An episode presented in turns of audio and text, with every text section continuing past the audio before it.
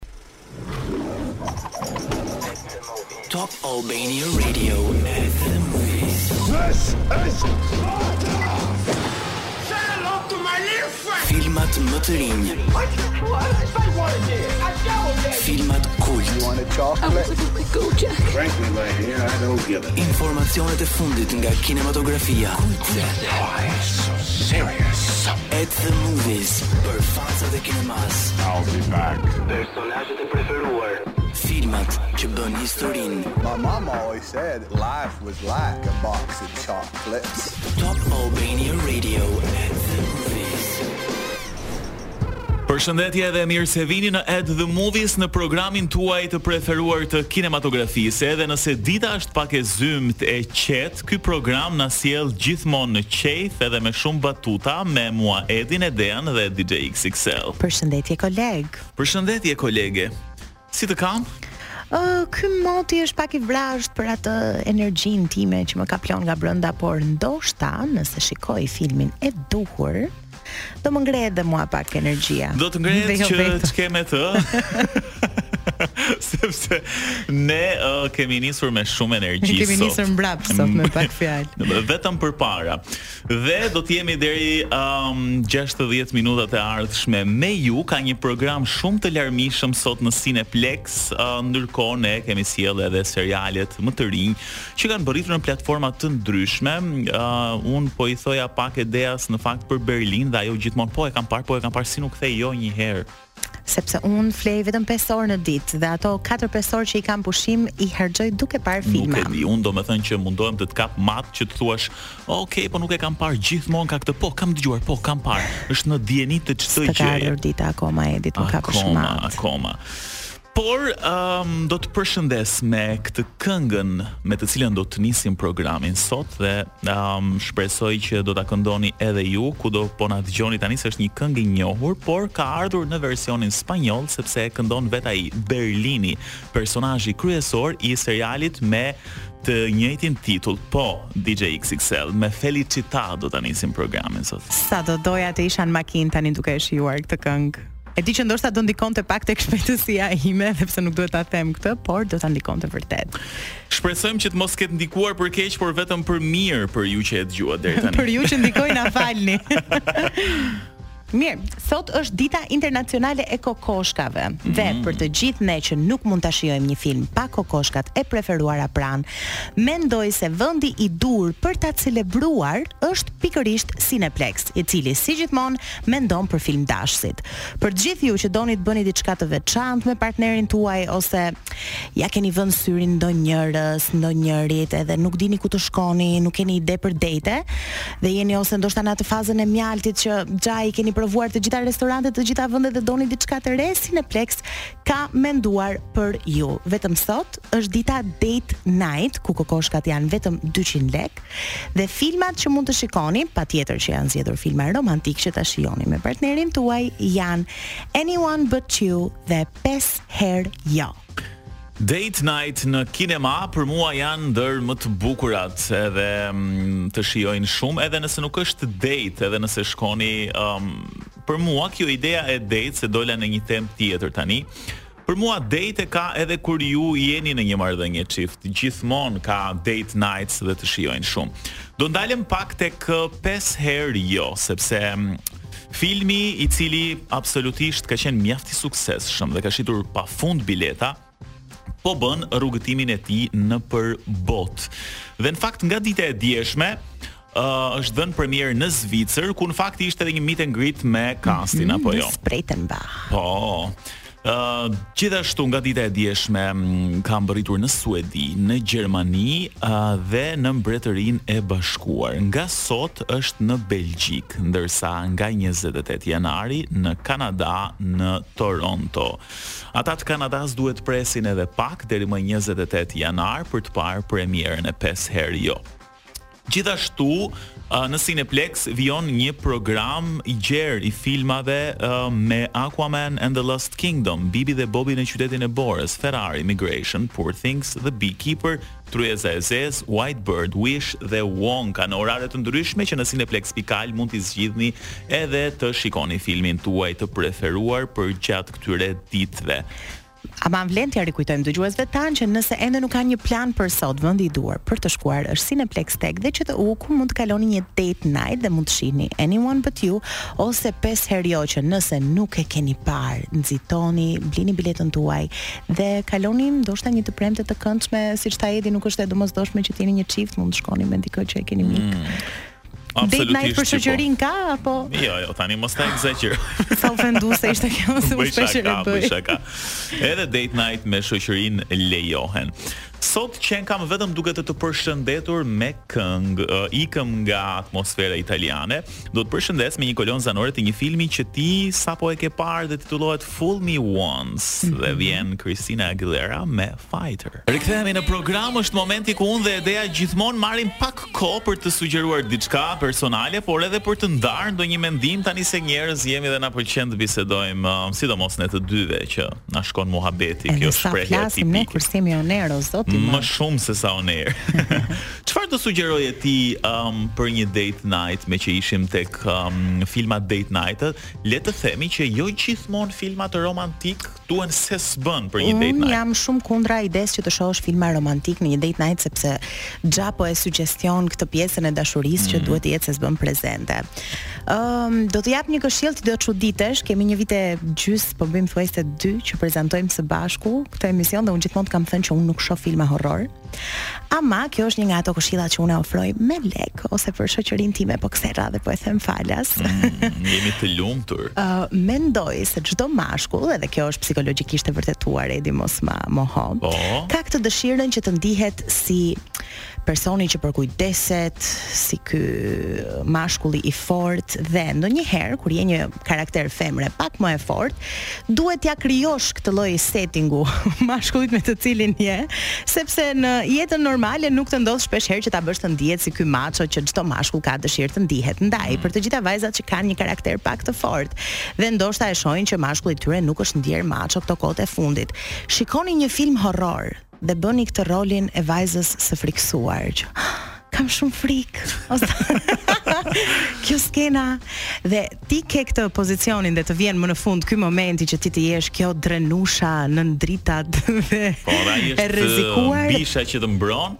Bravo, është një teknik manipulimi, por më besoni funksionon. Po jo që funksionon, po funksionon, unë po të dëgjoja dhe nuk nuk kam të kundërshtoj. Të doli ai kalorësi brenda vetes që s'ka gjë se e vras unë këtë krijesën. Dëgjojini këto këshilla vërtet super të vlefshme. Se jam i bindur që s'ju kishte vajtur mendja ndonjëherë që të shikoni një film horror dhe të keni frikë dhe domethënë mm. mund të ketë ndodhur kjo gjë krejt rastësisht dhe ju të mos e keni kuptuar, por që ta bëni pak me stile dhe pak me qëllim, Kjo do ishte dyfish surprizë për partnerin tuaj, edhe se po e çoni në kinema, po edhe se po i jepni të drejtën tani për t'u ndier pak overprotective apo shumë mbrojtës në thonjza ndaj jush.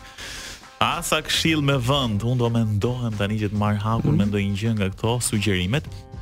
Asun shkurt XXL nuk jam shumë për filmat romantikë, domethënë tipik.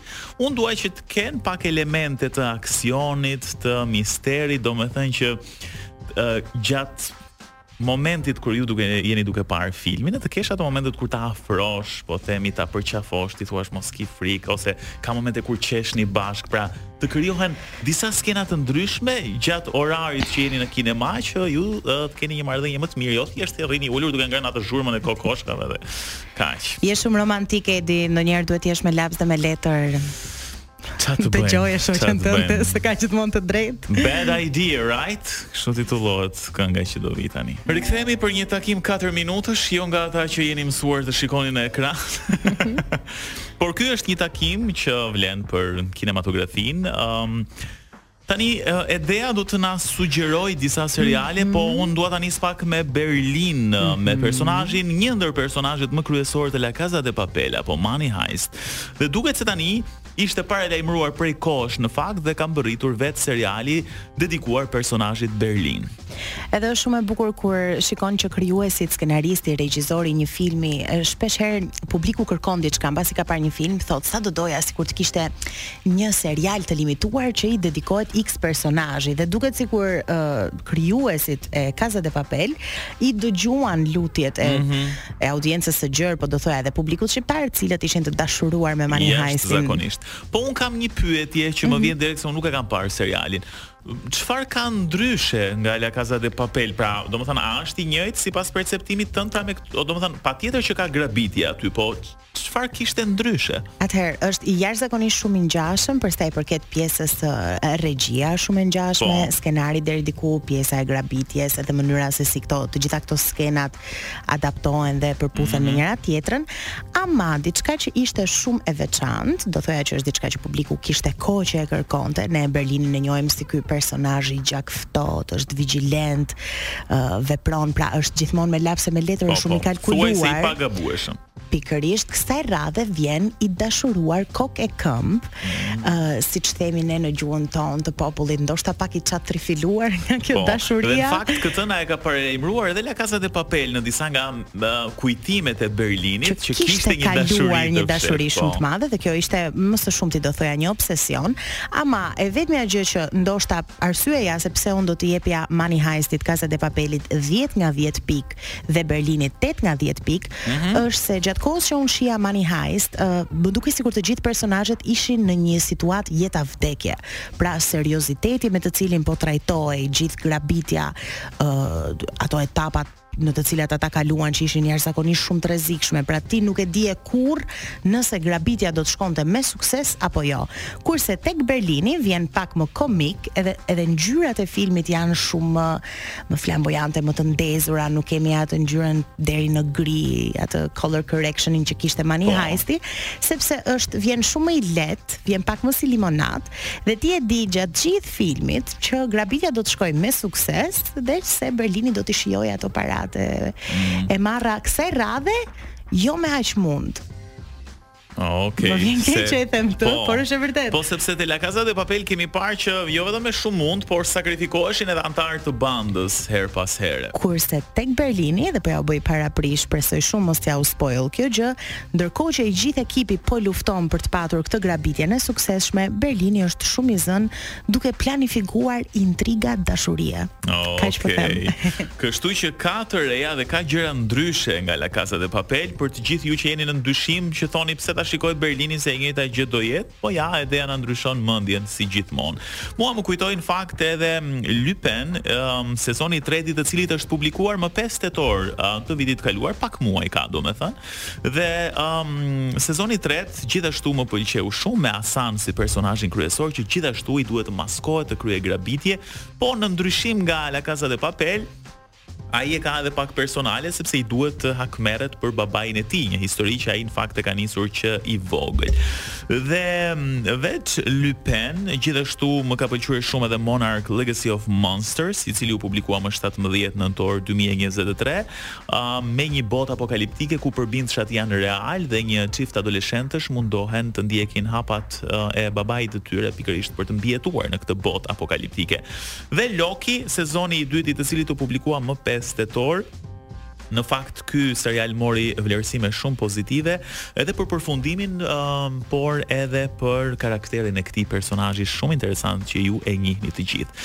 Mirë, ëm, kaq ishte takimi katërminutësh, shkojmë tani tek një këngë tjetër që unë e kam shkruar Edea, edhe si lexohet sepse është në frengjisht, është Celine Dion me On ne change pas. Kemi mbërritur në fund të programit edhe për sot, ndërsa kemi një fitues për të shpallur sa i përket kuicit të javës që po lëmë pas, është Odeta e cila ka dhënë përgjigjen e saktë thë në Instagram për videot që ne hedhim pa zë dhe ju duhet të gjeni se nga janë shkëputur nga cilët filma janë shkëputur Odeta mund të vijë dhe të tërheqi biletat e saj në ambientet e Top Albania Radio tek Arena Center dhe mund të shohi filmin e saj të preferuar dhe nëse vjen sot ajo mund të shkojë dhe të bëhet pjesë e Date Night ku kokoshka do të jenë vetëm 200 lek Absolutisht që po kështu që mund të nxitojë um, ne thamë Programin që ishte sot në Cineplexx, fakt që fillonte me pesë herë jo dhe me shumë filma të tjerë, Anyone But You sidomos që ishin filmat e Date Night dhe të gjithë të tjerët që i gjeni në Cineplexx AL tek aplikacioni dhe tek faqja.